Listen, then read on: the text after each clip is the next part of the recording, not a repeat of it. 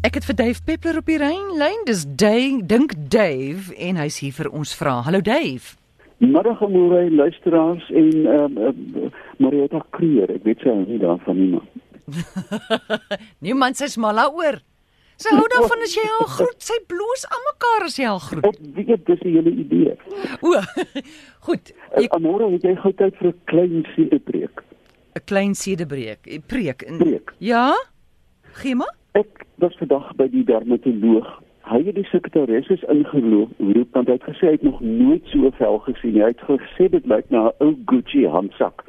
Ja. Ek wil tog net vir die luisteraars vra om hulle kinders uit die son uit te hou, want die nasleep van 'n leeftydse son wil mens nie sien nie.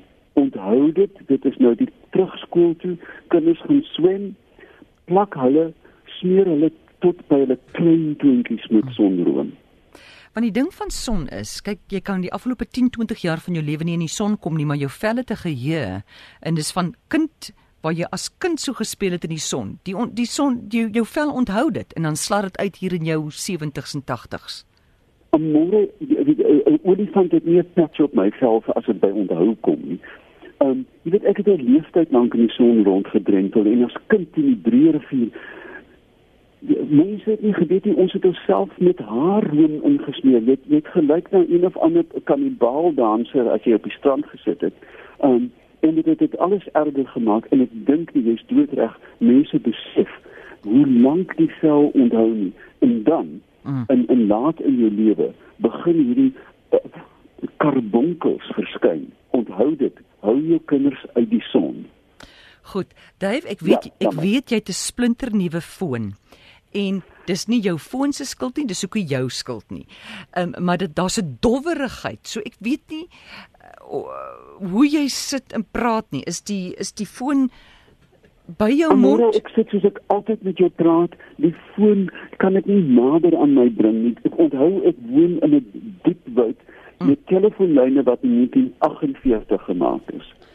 Gits. Hoorie maar dalk is hy te naby jou mond nou. Dalk is dit die probleem klink dit nou? Dit klink nou beter. Ja, dit klink nou beter. Goed. Kom ons vat ons eerste oproep. Chanat, hallo. Hey. Oh.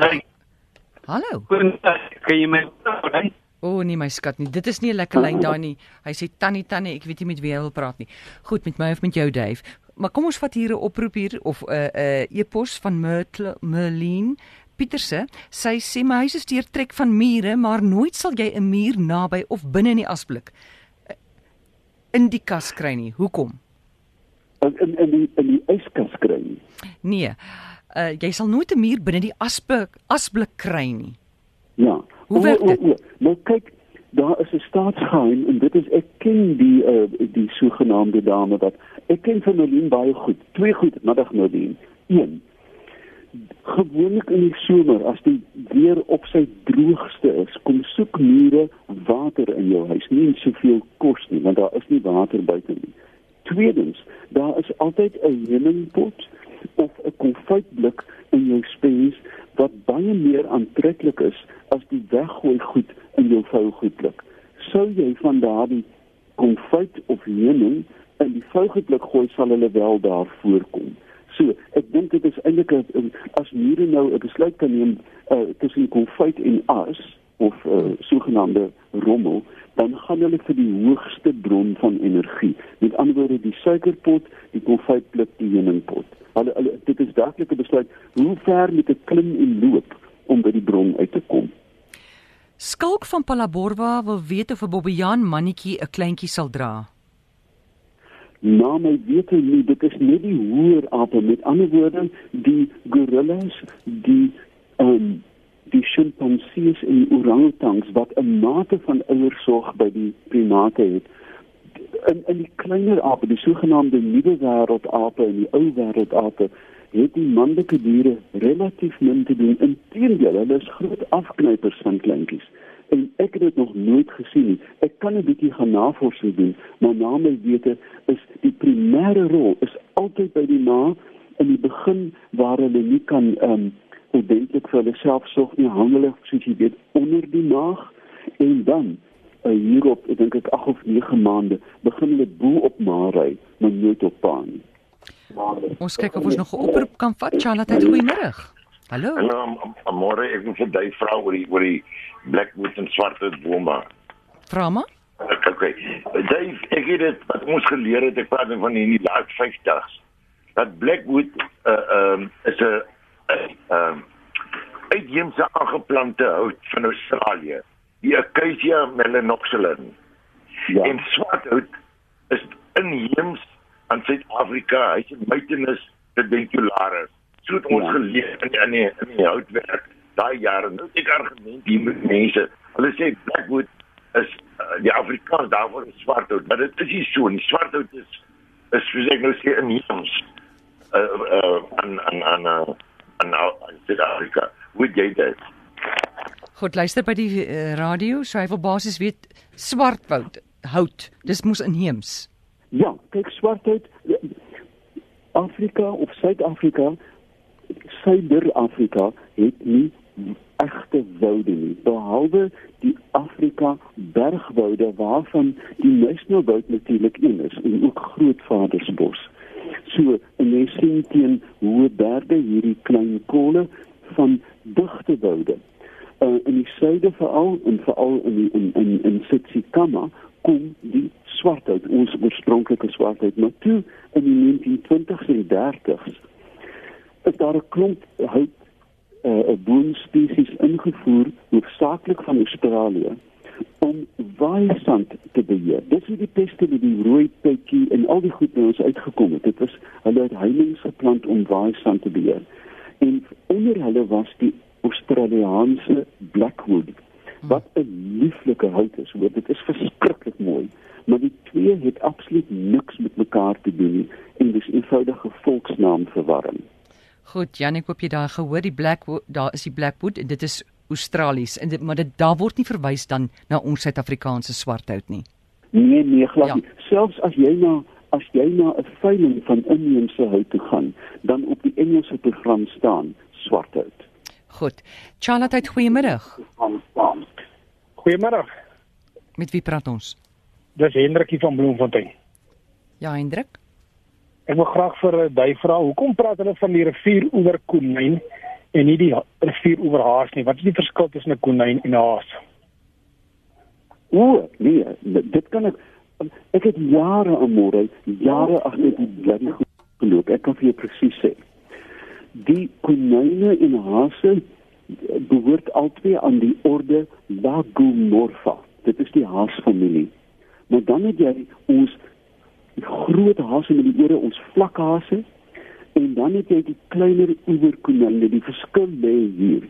By die haas word kleintjies gebore met hulle oë oop, hulle ore oop en met hare en hulle is mobiel. Met ander woorde, enkele minute na geboorte kan die klein haasie al so effens hop en hy word loop agter sy ma aan.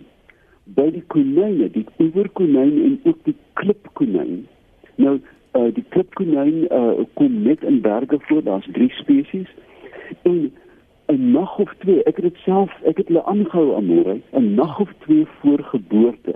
Mm. Maak die ma 'n klein gaatjie in die grond, 'n holte en trek haar penshare uit en maak 'n nesie wat lyk na 'n voëlnesie. Haai. En in hierdie nesie word twee of drie kleintjies gebore. Nakend, hulle het nie 'n haar op hulle lywe nie. Oë toe, ore toe.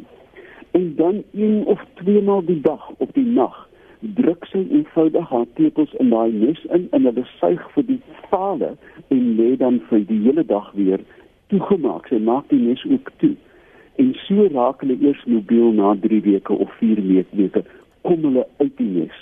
En dis wesenlik die verskil tussen 'n konyn wat dadelik voortvarend is waar 'n haas, maar die konyn is nie voortvarend nie en is hulpeloos as hulle kleintjies het. Dis interessant. Ja, en hulle smaak albei eners. Jy weet jy gebruik presies dieselfde resep vir albei. Dis goed om te weet. Charlotte, goeiemôre. Middag Amorey en ook aan Dave. Uh Dave die die diere op die eiland.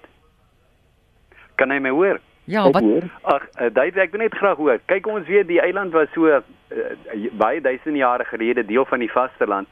Ek wil net graag weet Ons julle nou net gesels oor konyne. Ons weet daar's duisende konyne doodgemaak, is ook katte. My vraag gaan rondom slange.